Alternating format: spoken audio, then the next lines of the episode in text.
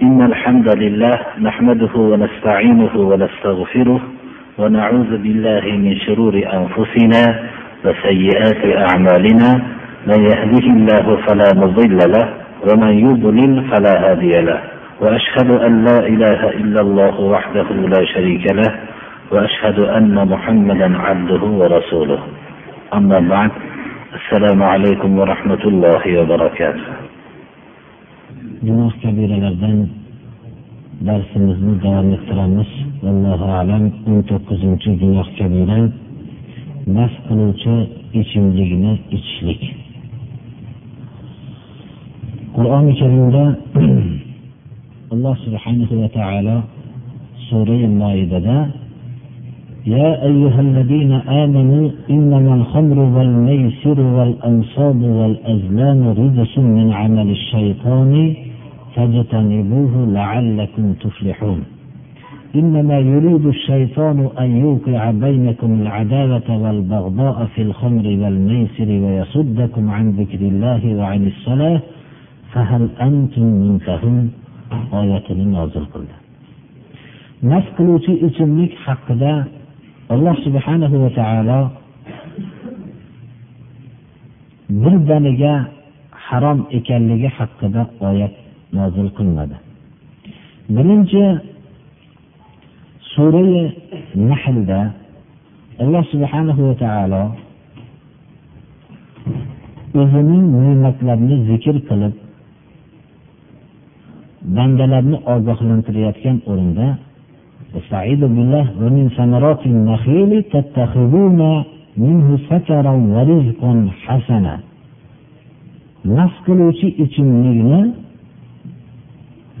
yaxshi rizq emas ekanligiga ishora qildi. Ya'ni naf qiluvchi ichimlik johiliyat davrida rasululloh sollallohu alayhi vasallam payg'ambar bo'lib rasul bo'lib jo'natilingan davrda har bir odamlarning faxri xuddi hozirgi johiliy odamlarning faxri bo'lganga o'xshagan mast qiluvchi ichimlik bilan ziyofat o'tkazish mast qiluvchi ichimlikni yumalab qolguncha ichishlik bilan faxrlanish va shu bilan hayotning shunga qurilgandek tushunishlik. Alloh subhanahu va taolo birinchi mana bu oyatda ishora qilib qo'ydiki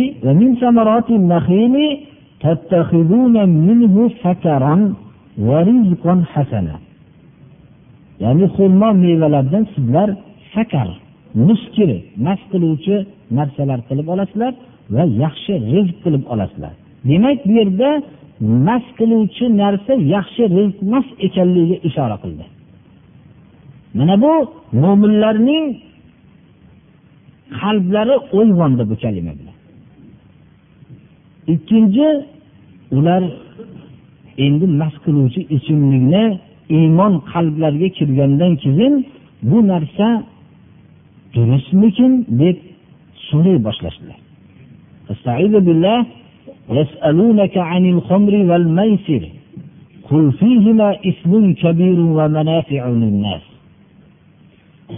sizdan ey muhammad alayhissalom savol qilishadiki mast qiluvchi ichimlik xamir haqida va maysir qimor haqida so'rashadi nima buni hukmi deb Men bu hukmni bayon qilishdan ilgari bir narsaga eslatmoqchiman. Hozirgi vaqtda mast qiluvchi ichimlikning manfaatlari haqida gapiradigan faylasuflar ko'paygan. Buning manfaati bor. Ba'zi o'rinlarda foydalansa buning manfaatini mana fan isbot qildi degan o'zini faylasuf sanagan odamlar bor.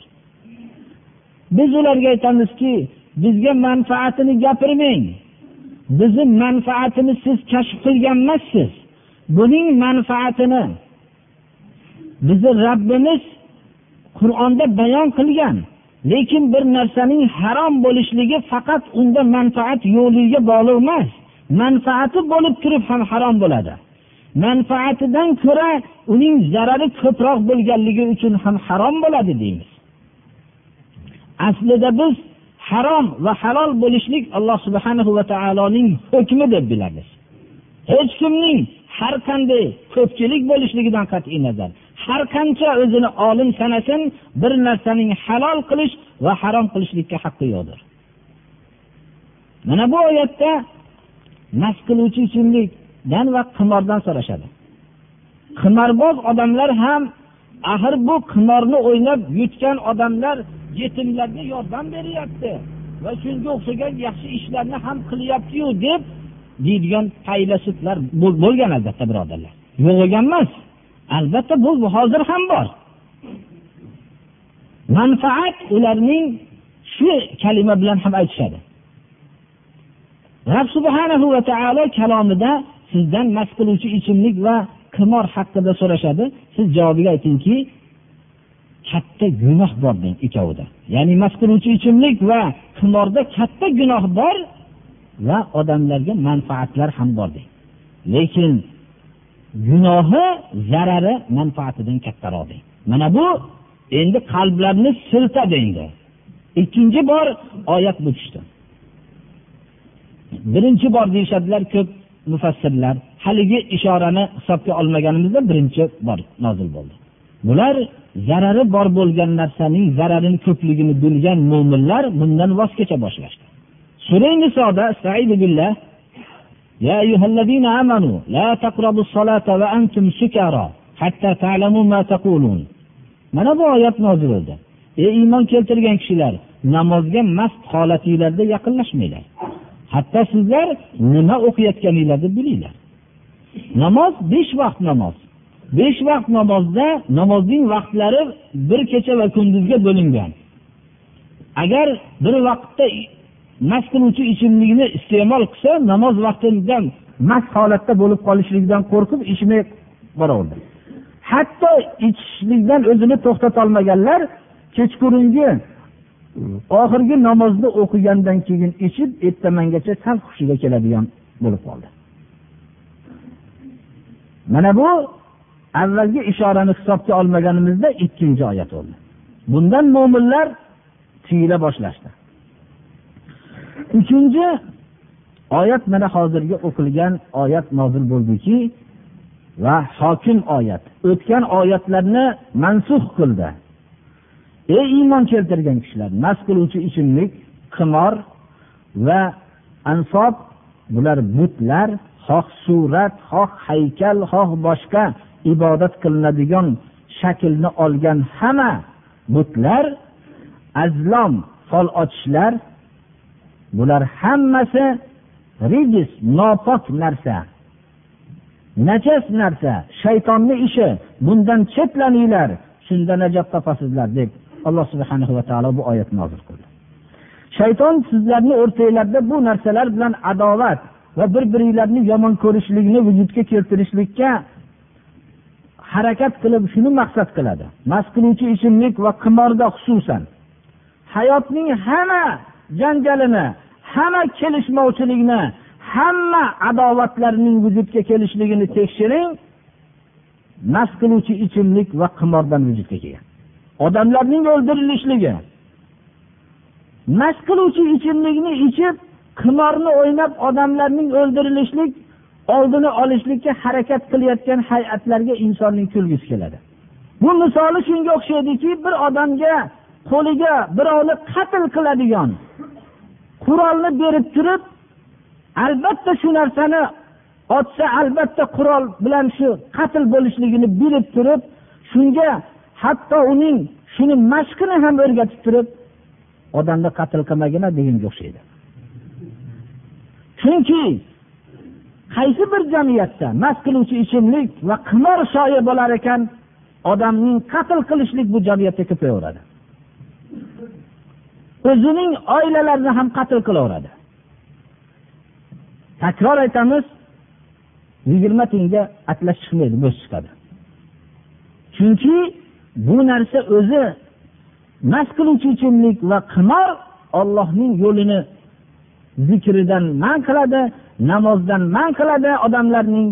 Hamma namoz o'qilayotgan odamlarni tekshirsangiz mast qiluvchi ichimlik va qimor bilan mashg'ul bo'lgan odamlar mana bu oyat bilan alloh subhanahu va taolo fahal antum muntahun dedi.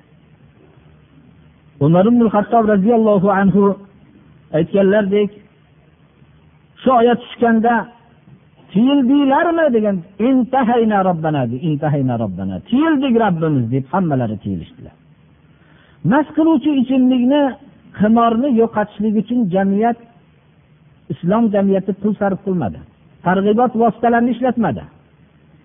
Biror bir hozirgi jamiyatlar uning zararlarini bayon qilayotgan biror bir narsani bayon qilmadi.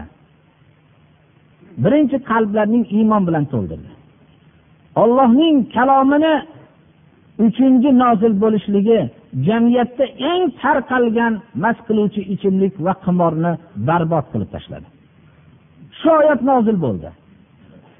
Shu oyat nozil bo'lganda madinaning ko'chalaridan mast qiluvchi ichimlik ariq bo'lib oqdi. Hamma olib chiqib to'kib tashladi. Shuning uchun jamiyatdagi munkar shariatga zid bo'lgan narsani buzuq narsalarning yo'qotishlik iymon asosiga suyanmas ekan iymon asosiga suyalinmas ekan bu narsa iqtisodiy tanglik uchun bularni yo'qotishlik uchun harakat qilinar ekan u narsalar barbod bo'lmaydi bular yo'q bo'lmaydi.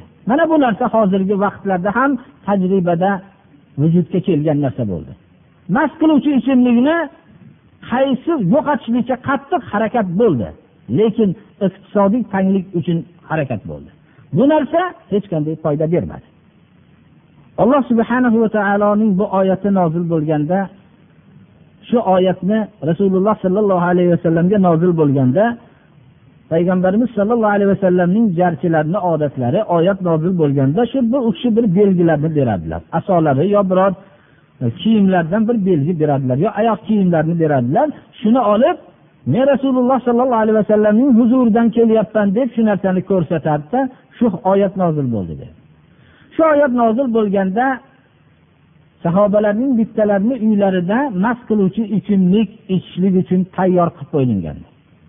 Hammalari ichishlikka tayyorgarlik ko'rishib turgan edi. Ba'zilar qo'liga olgan edi. Ba'zilar quyyatuvdi ba'zilar labiga olib borgan edi. Ba'zilar ho'plagan edi yutmagan edi. Shoya tushganda quyayotganlar shuni ichib olay demadi. Qo'lini og'ziga olib borayotganlar shunidan keyin amal qilay demadi. Labiga tekkizib turganlar shu safargizdan keyin amal qilay demadi. Ho'plaganlar ham yutib olay demadi tupurib tashladi. Mast qiluvchi ichimlik mana shu kundan boshlab harom bo'ldi. Qiyomatgacha haromdir. Qimor harom bo'ldi. Chunki mast qiluvchi ichimlik bilan qimor ekizay narsadir bu. Qayerda? Bu bo'lsa unisi ham bor. Payg'ambarimiz sollallohu alayhi vasallamdan rivoyat qilingan hadis shariflar. Hokim abdulloh ibn abbos rivoyati asosida bo'lgan hadisda rivoyat qiladilarki اجتنبوا الخمر فإنها أم الخبائث فمن لم يجتنبها فقد عصى الله ورسوله واستحق العذاب بمعصية الله ورسوله mast qiluvchi ichimlikdan chetlaninglar chunki u butun habis nopok narsalarning onasidir shundan tug'iladi hamma narsa kim bundan chetlanmasa olloh rasuliga osiy bo'libdi va azobga olloh rasuliga osiy bo'lganligi sababli sazovor bo'libdi dedilar rasululloh sollallohu alayhi vasallam Chunki qur'oni karimda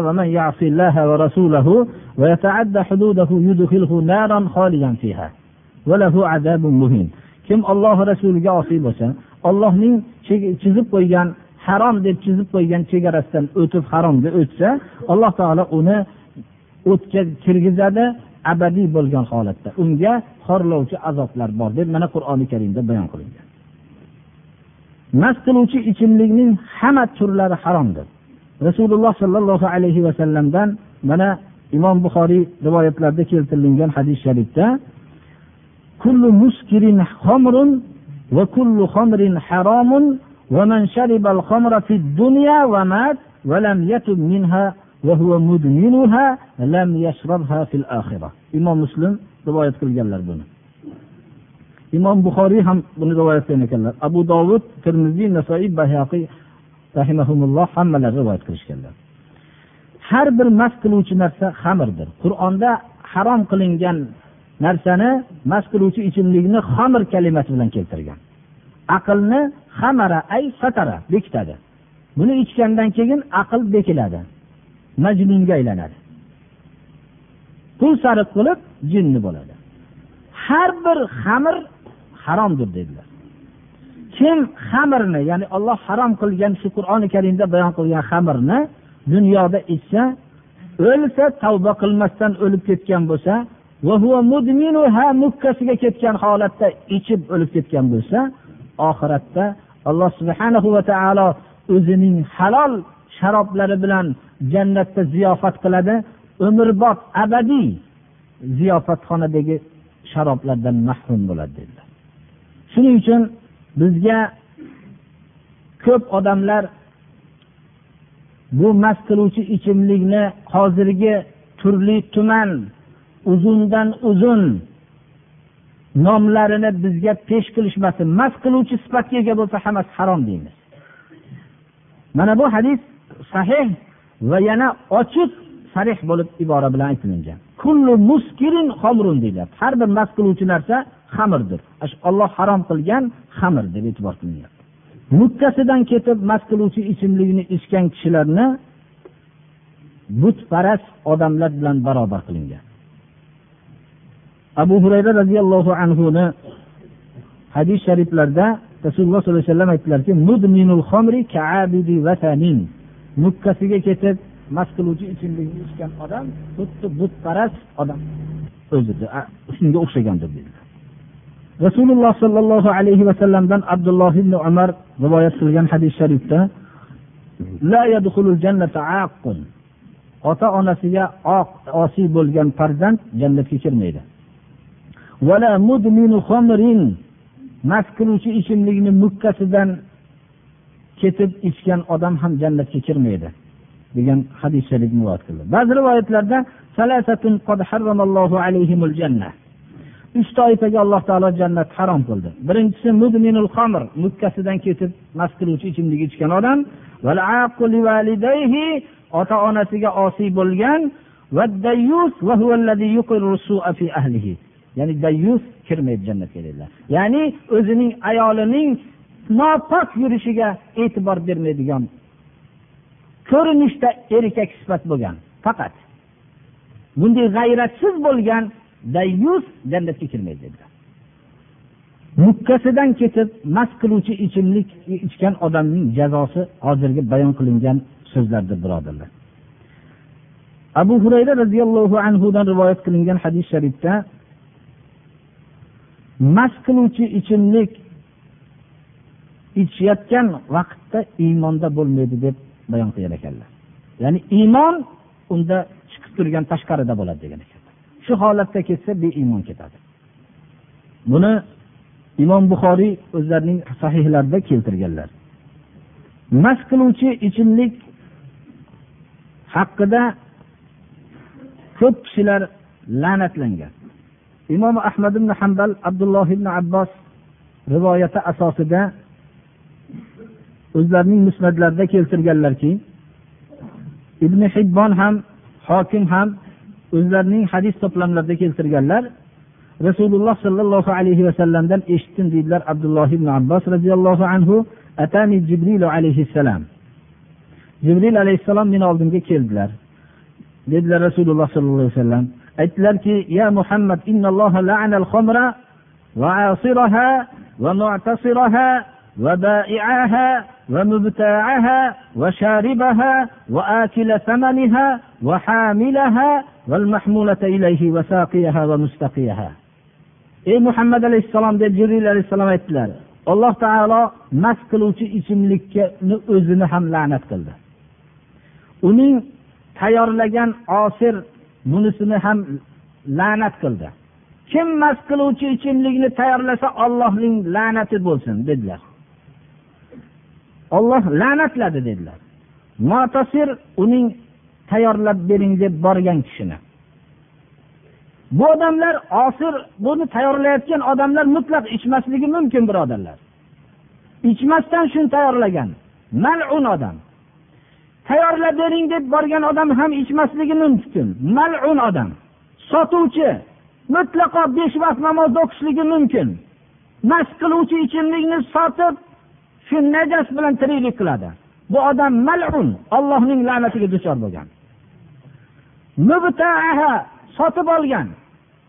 Sotib olganda ichmaydi o'zi sotib olgan. Bu ham malun.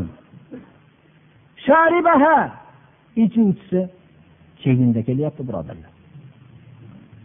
Mana shu maraz odamlar uning ichishligiga ko'proq sabab bo'ladi. Shuning uchun ham keyinroq kelayotgan bo'lsa kerak. Sharibaha ichuvchisini alloh taolo la'nat qildi. Uni tiriklik qilib pulini yegan. Tiriklik qilib pul topib mayda chuyda olib kelib bersa maishat qilayotgan ota onalar bor. Mana bu akila samaniha buning pulini yeyotgan odamlarni olloh la'nat qildi. Bular ichmaydi. Ichgani alohida la'natlangan. Hamilaha ko'tarib olib borganda ham la'nat qildi alloh taolo.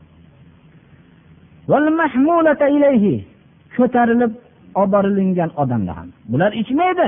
Ichsa albatta maluni la'nat qator qator bo'ladi unga. Uni quyib bergan. Ichmaydi quyib bergan. Alloh taolo la'nat qildi. Va mustaqiyaha shuni quyib berishligini talab qilgan. Shunga quyib bering degan. Ichmagan. Alloh taolo la'nat qildi buni. Xamirni o'zini la'nat qildi alloh taolo. Mast qiluvchi ichimlikni buni hisobga olmasdan bu shaxslarni hisoblasak o'nta odam la'natlangandir. Xamir bilan o'n birta narsa la'natlangandir. Abdulloh ibn amr ibn al as roziyallohu anhu aytgan ekanlar mast qiluvchi ichimlikni ichgan odam kasal bo'lsa ko'rgani bormanglar degan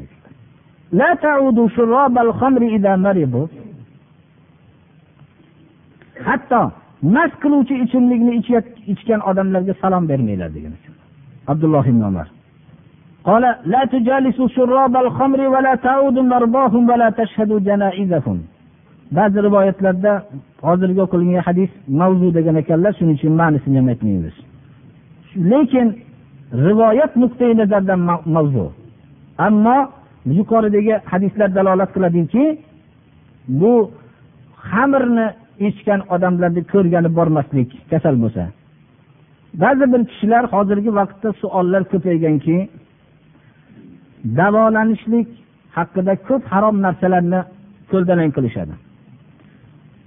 Rasululloh sollallohu alayhi vasallamdan rivoyat qilingan hadis sharif ummu salama onamizdan rivoyat qilingan.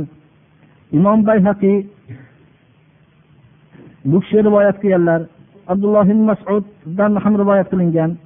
Hokim alqama imom buxoriy bular hammalari abdulloh ibn masuddan rivoyat qilishgan shu hadis sharifdagi hadis bizga dalolat qiladiki harom narsalarda shifo yo'qligiga إن الله تعالى لم يجعل شفاء أمتي فيما حرم عليها rasululloh sollallohu alayhi vasallam aytdilarki mening ummatimni shifosini alloh taolo ummatimga harom qilgan narsalarda qilmadi dedilar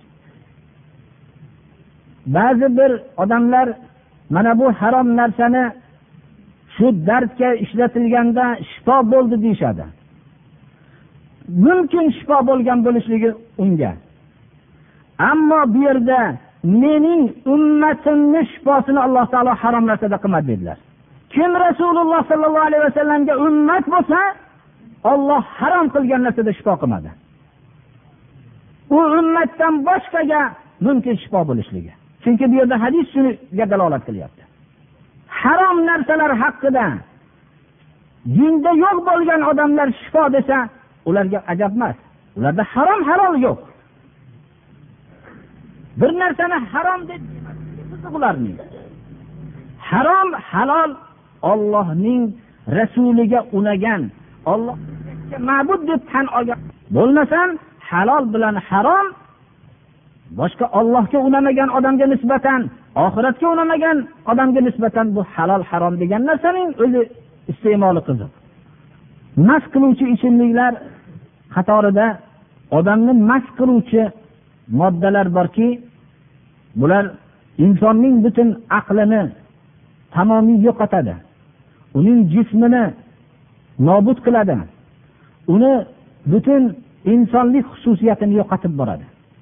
Mana bu narsalar afyun qora dori bu narsalarning hammasi mast qiluvchi moddalar shular hammasi xamir taxtiga dohil bo'ladi.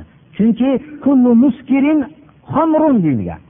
Har bir mast qiluvchi narsa xamir deyiladi. Xamirni alloh subhana va taolo harom qildi.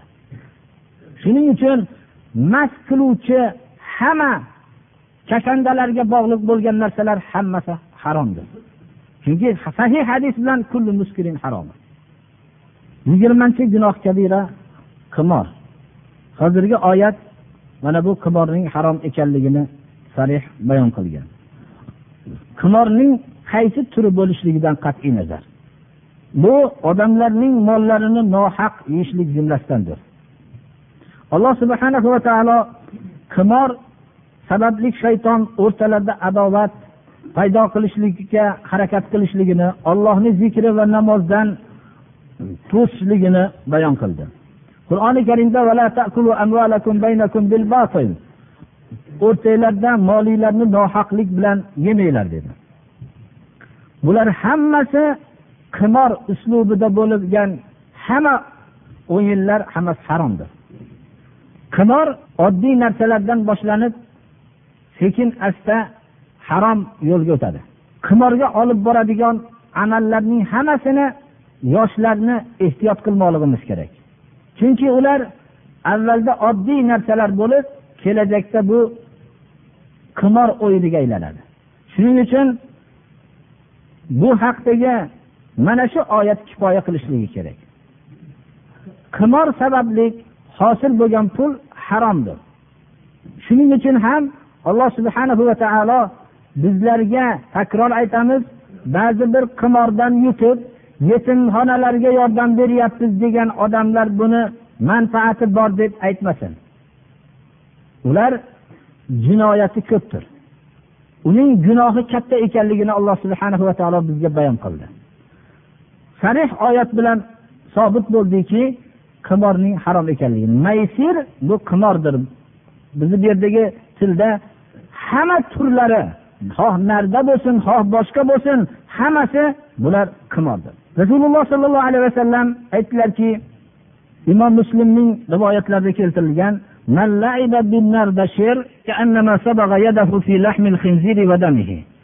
kim narda o'yinini o'ynagan bo'lsa qo'lini to'ng'izni go'shti qoniga qo'lini suqibdi dedilar. Mo'min odam to'ng'izni go'shtiga qo'lini tegishligini o'ylaganda yuragi titrab ketishi kerak. Bu kalima hozir to'ng'iz go'shtini og'ziga solayotgan odamlarga ibrat bo'lishi kerak. Qo'lini tegishligidan hazar qilishligi kerak. Kim nardani o'ynagan bo'lsa ya'ni qimor bu qimorga olib boruvchi va qimor bu albatta. Shu narsani o'ynagan bo'lsa qo'lini to'ng'iz go'shtiyu qoniga kirgizibdi dedilar yigirma birinchi gunoh kabira pokiza ayollarning sha'niga tuhmat qilishlik. pokiza kishilarga tuhmat qilishlik ham gunoh kabira lekin er kishi o'zining jur'ati bilan tuhmatni isbotlashlikni talab qilib qattiq u bilan kurashishligi mumkin ayol kishilar ojiza bo'lganligi uchun olloh himoya qildi ularni إن الذين يرمون المحسنات الغافلات المؤمنات لعنوا في الدنيا والآخرة ولهم عذاب عظيم يوم تشهد عليهم ألسنتهم وأيديهم وأرجلهم بما كانوا يعملون pokiza gunoh nima ekanligini bilmaydigan g'ofila ayollarni mo'mina ayollarni sha'niga tuhmat toshini otgan kishilar dunyoyu oxiratda malun bo'lgan odamlardir ularga katta azob hozirlab qo'yilgan bu tillari guvohlik bergan tillari qo'llarining harakati bilan ko'rsatgan guvohliklari oyoqlari bilan shu tuhmatga borib tuhmat qilishlikka yurgan oyoqlari tuhmatni isbotlamoqchi bo'lib gapirgan qo'llari tillari hammasi guvohlik beradi qiyomat kuni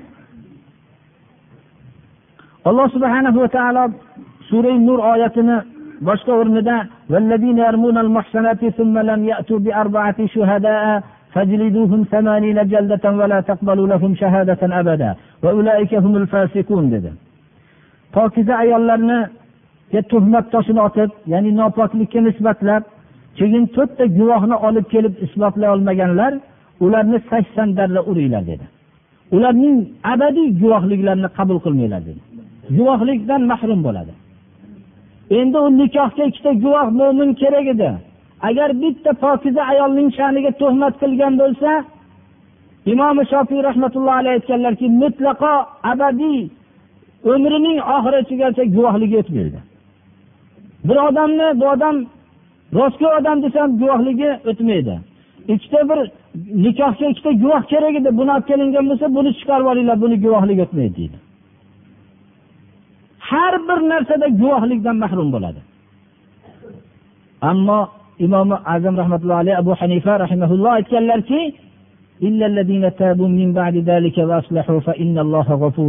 mana bu oyat istisnosi dalolat qiladiki tavba qilgan bo'lsa. va aslahu bundan keyin takrorlamasdan o'zi o'nglagan bo'lsa olloh gunohini kechiruvchidir deganlar. O'zini o'nglagan bo'lsa qaytib birovni pokiza ayolni sha'niga tuhmat qilmagan bo'lsa shundagina uning guvohligi o'tadi.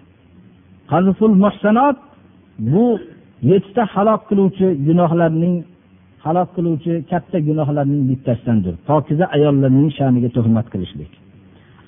Pokiza kishilarning sha'niga tuhmat qilishlik ham shunga o'xshagan katta gunoh. Hozirgi vaqtda nihoyatda tuhmat qilishlik ko'paygan birodarlar. Alloh subhana va taolo saqlasin musulmon birodarlarni birovlarning sha'niga tuhmat qilishlikdan. Yigirma ikkinchi gunoh kabira g'animatlarni bekitib olishlik.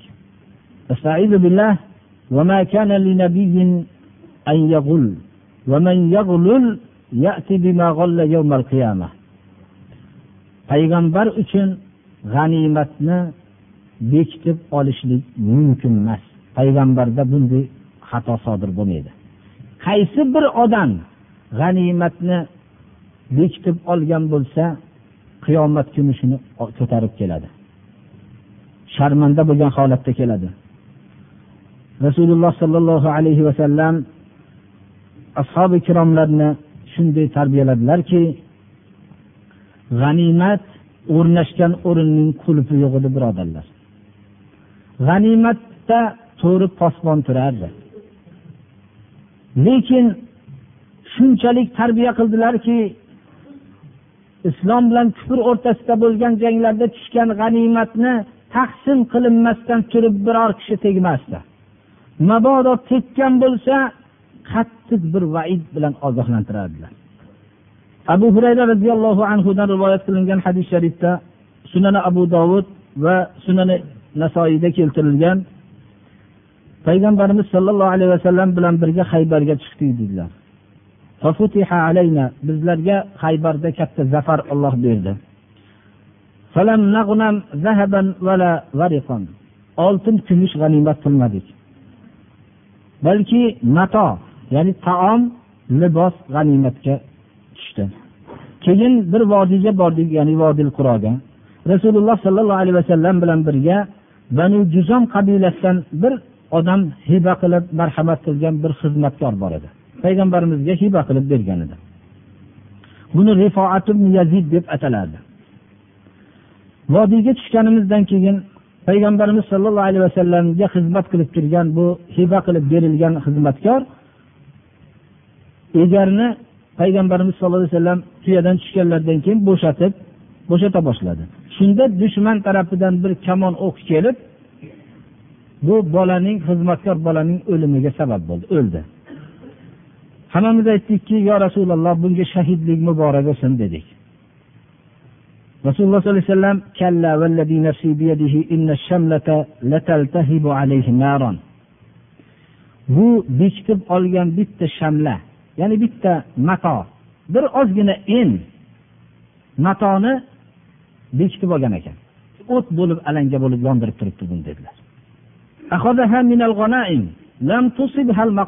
Hali taqsimot yetmasdan turib taqsim qilinmasdan turib olgan edi dedilar.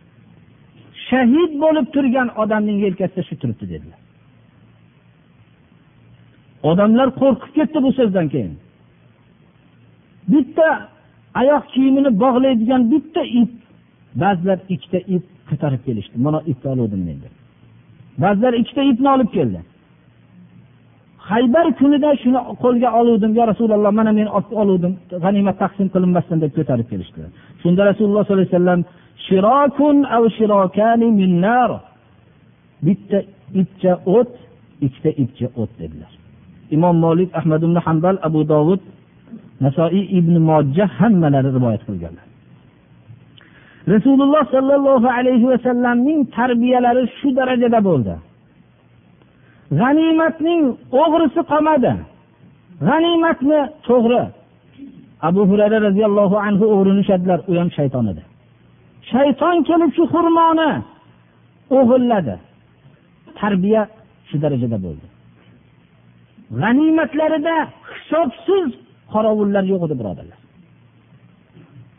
Chunki raqobat nazorat qalbda o'rnagan edi.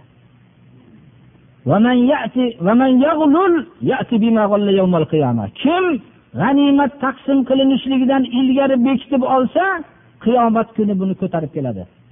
Yelkasida o't bo'lib turadi degan so'z o'zi kifoya qildi. Ollohning kalomi islom jamiyatini shunday boshqardi birodarlar. Ming afsuslar bo'lsinki bizlargaki biz musulmonlar mana bu o'zimizning kitobimizdan zarracha ta'sirlanmasdan yashayapti. Ahmad ibn hambal o'zlarining musnatlarida shu so'zni keltirgan ekanlarki nabiy sollallohu alayhi vasallam birovning namozi janoza namozidan bosh tortganliklarini bilmayman degan ekanlar. Ahmad ibn hambal janoza o'qiganlarini tekshirib ko'rib magar ikki kishining janozasidan bosh tortganlar. Bittasi g'animat taqsim qilinmasdan olgan odamning janozasini o'qimaganlar va hamda o'zini o'ldirgan odamning janozasini o'qimagan boshqalar bu hadislarni eshitganda bu haqiqatmikin deb o'ylanib qolishligi mumkin. To'g'ri ularning tarixida bunday biror narsa o'tgan emas. Va o'tmaydi ham qiyomatgacha o'tmaydi.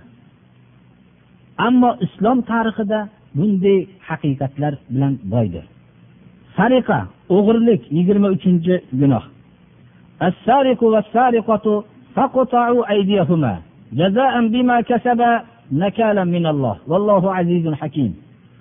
O'g'ri kishi o'g'ri ayol. Qo'llarini kesinglar dedi. Alloh subhana va taolo. Qilgan ishiga jazo shu dedi olloh tarafidan bularga azob. Olloh aziz qudratli zotdir. Hakim o'zining hukmlarida hikmatli bo'lgan zotdir. O'g'ri kishi va o'g'ri ayolning qo'lini kesishlik hukmini islomning ashaddiy dushmanlari ham shu hukmni joriy qilmasak bo'lmaydi deb joriy qilmoqda. Allohning bu hukmdagi hikmatini bilishlik uchun ming yillar kerak bo'ldi. Ammo musulmonlarga alloh subhana va taoloning marhamati o'g'ri kishi va o'g'ri ayolning qo'lini kesinglar degan oyat bilan osonlikcha bilib olishdilar. Inson ajablanadiki shu oyatni o'qiganda o'g'ri kishi hay bu kishini er kishining o'g'ri bo'lishligi mumkin. Ayol kishi ham o'g'ri bo'larmikin? degan savol o'ylantiradi. Hozirgi jinoyat qidiruv hay'atlarining xabaricha o'g'ri ayollarning ko'proq ekanligini ma'lum qilishyapti. O'g'ri ayollarning ko'payayotganligini bayon qilyapti birodarlar. Oysha roziyallohu anhodan rivoyat qilinadiki mahzumiya mahzum qabilasi eng qurayshning ulug' qabilalaridan hisoblanadi. Shu qabilaga mansub bo'lgan bir ayol o'g'irlik qildi. Payg'ambarimiz sollallohu alayhi vasallam shu ulug'zoda bo'lgan qabiladan chiqqan ulug'zodani qo'lini qirqishlikka buyurdilar. Butun mahzumiya qabilasi keldiki zayd. Rasululloh sollallohu alayhi vasallam eng yaxshi ko'rgan kishi usomat zayd edi. Bu kishi usoma roziyallohu anhuni nihoyatda yaxshi ko'rardilar. U kishining dadalarini ham yaxshi ko'rardilar. Bu yaxshi ko'rishlik shu darajada sahobalarni o'rtasida fosh tarqalgan ediki hatto abdulloh ibn umar umar ibn hattobning o'g'illari umar ibn hattob xalifalik davrlarida abdulloh ibn umarga ajratgan maoshlaridan usomat ibn zaydga ajratgan maoshlari ancha ko'p ekan. Shunda abdulloh ibn umar o'g'illari kelib nima uchun usomani mendan maoshini ortiq qo'ydingiz? Buning sababi nima? deganlarida aytdilarki usomani dadasi seni dadangdan rasululloh sollallohu alayhi vasallamga suyumli edi dedilar. Bu kishi harifa dadalarini ishora qilyaptilar. O'zi ham sendan ko'ra rasulullohga suyumli edi. Rasulullohning muhabbatini o'zimni muhabbatimdan ortiq ko'rib uning maoshini ortiq qildim dedilar. Shunchalik aniq edi. Zaydning mabodo yaxshi ko'rgan odamning so'zi bilan o'zgarganlarda usomat zayd roziyallohu anhuni so'zi bilan o'zgaradilar payg'ambarimiz sallallohu alayhi vasallam. Usomat zayd bu kishini oldiga kelishib qabila odamlari iltimos qilsangiz rasululloh sollallohu alayhi vasallamdan deyishdilar. Ular shu haqda gapirishganlaridan keyin usomat zayd rasululloh sollallohu alayhi vasallamga mahlumiya qabilasidan bo'lgan ayolning qo'lini kesmaslik haqida iltimos qildi. Shunda aytdilarki ya usama la araka tashfa'u fi haddin min hududillahi ta'ala.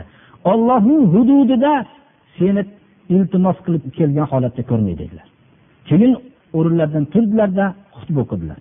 إنما أهلك من كان قبلكم أنهم كانوا إذا سرق فيهم الشريف تركوه وإذا سرق فيهم الضعيف قطعوه. والذي نفسي بيده لو أن فاطمة بنت محمد سرقت لقطعت يدها فقطع يد المخزومية. sizlardan ilgarigi odamlarni halok qilgan narsa dedilar payg'ambarimiz sallallohu alayhi vasallam xutbalarida. Sharaflik hurmatlik odamlar o'g'irlik qilganda ya'ni jinoyat qilganda uni qo'yib qo'yishgan. Katta odamni farzandi yo katta oiladan deb. Zaif odamlar bo'lganda qo'lini qirqishgan. Nafsim qo'lida bo'lgan zotga qasam ichib aytamanki muhammad alayhissalomning qizi fotima o'g'irlik qilsa qo'lini kesaman dedilar bu ollohni hukmi hammaga bir bo'lmoqligi kerak. Ollohni hukmi bir davrda boylarga yurmasa birodarlar bir davrda faqat boylarni ustida yurdi. Kambag'al yo'qsillar yo'qsillar hamma yo'qsil ulug' odamga aylandi. Hamma boy odam halol kasb qilib topgan bo'lsa ham yomon odamga aylandi. Boyni rioya qilish qanchalik xato bo'lsa kambag'alni rioya qilishligi ham xatoda bundan kam emas birodarlar. Hozirgi shu bizni yashayotgan jamoadagi kishilarning qalbiga ham kambag'al parvar bo'lishlik ruhi kirib qolgan. Bu ham xato birodarlar. Nima uchun kambag'al doim haq bo'ladi? Nima uchun boy doim nohaq bo'ladi?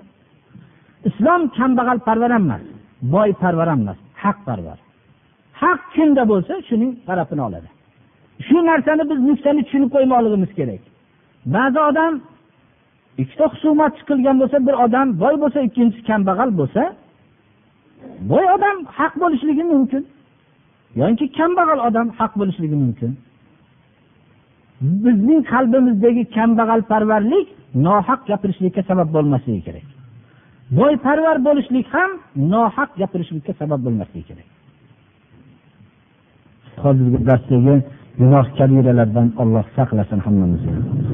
O'tgan vaqtda shu gunohlar sodir bo'lgan bo'lsa olloh o'zi kechirsin. Birodarlar ba'zi kishilar savol berishadilar savollarni o'ziga javob beraveramiz. Yana bir birodarimiz so'rabdiki xom piyozlar ovqatlariga qo'shib yeymiz. Xom piyoz yemaslikka birorta hadis yoki oyat bormi dedilar. Xom piyoz yeyishlik kim xom piyoz yesa masjidlarimizga kelmasin majlislarimizdan chetlansin degan hadis sharif bor. Chunki piyozni hididan bu islomiy majlislarda qur'on va hadis asosida suhbat bo'ladi. Va shunga muvofiq hayot bo'lgandan keyin maloikalar o'rab oladi. Maloikalar badbo'y narsalarning hididan xohlashmaydi ular. Shuning uchun majlislarimizda maloikalarni ketib qolishligiga sabab bo'lmasin dedilar. Shundan o'zimiz tushunib olishimiz kerak. Hadeb bu narsani boshqa kavlab nima qilmasligimiz kerak. Buni savol qilyapti birodarlar. O'zini fikriga o'ralib qolmasin ko'pchilik. Agarda otasi ichuvchi bo'lsa farzandi namozxon bo'lsa unda nima qiladi? deb so'rab dadasini ichishdan qaytarsa qaytmasa ichib yuraveradida. O'g'li namozxon bo'lsa o'zini islomiy harakati o'zi islomiy axloqlarda davom etaveradi. Shu buni javobi. Lekin dadasi mast qiluvchi ichimlik olib kelib ber desa olib kelib bermaydi. Ibrohim alayhissalom dadasi buttarosh bo'lgan. Mana bu narsani hammamiz bilamiz. Bu alloh subhana va taoloning hidoyati qalbida hidoyatga talpingan odamga nasib bo'laveradi. Yana bir kishi savol qilyaptiki biz juda ko'p poraxo'r odamlarni atrofida yashasak shu nihoyatda azoblanamiz deyaptilar. Islomiy hukmlarga bo'ysunmagan odamning poraxo'r bo'lishligi ajablanarli emas birodarlar. Qora harom islomda harom. Endi islomni hukmiga unamagan odam u albatta harom ish bilan halolni farqini qilmaydi. Faqat bir tabiatan bir o'zi o'rganib qolgan bo'lsa masalan kashandamas bo'lgan ollohni hukmini qilmaydigan odamlar bor. Kashandalikni tabiatan yomon ko'radi. Ammo ibodatni qilib yurgan odamlar borki ular kashandalikka o'rganib qolgan shu kitob ko'rib tursa ham kashandalik qilib kitob ko'radi. bu endi u ko'p odamlarning bu narsa poraxo'rlik ham shunga o'xshagan islom man qilgan bu narsani musulmon bo'lib bundan tiyilishligi kerak lekin boshqa boshqa narsalarni ham ko'p biz yashayotgan muhitda masalan ibodat qilmagan odamlarni ichida boshqa narsalar ham ko'p bo'laveradi اللهم صل على سيدنا محمد وعلى اله وصحبه وسلم اللهم إنا نسألك العفو والعافية في الدين والدنيا والآخرة.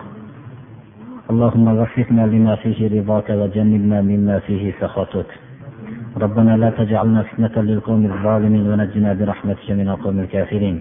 اللهم اقسم لنا من خشيتك ما تحول به بيننا وبين معاصيك. ومن طاعتك ما تبلغنا به جنتك.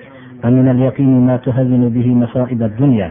ومتعنا بأسماعنا. وأبصارنا وقوتنا ما أحييتنا واجعله الوارث منا واجعل ثأرنا على من ظلمنا ولا تجعل الدنيا أكبر همنا ولا مبلغ علمنا ولا تجعل مصيبتنا في ديننا ولا تسلط علينا من لا يرحمنا صلى الله تعالى على خير خلقه محمد وآله وأصحابه أجمعين.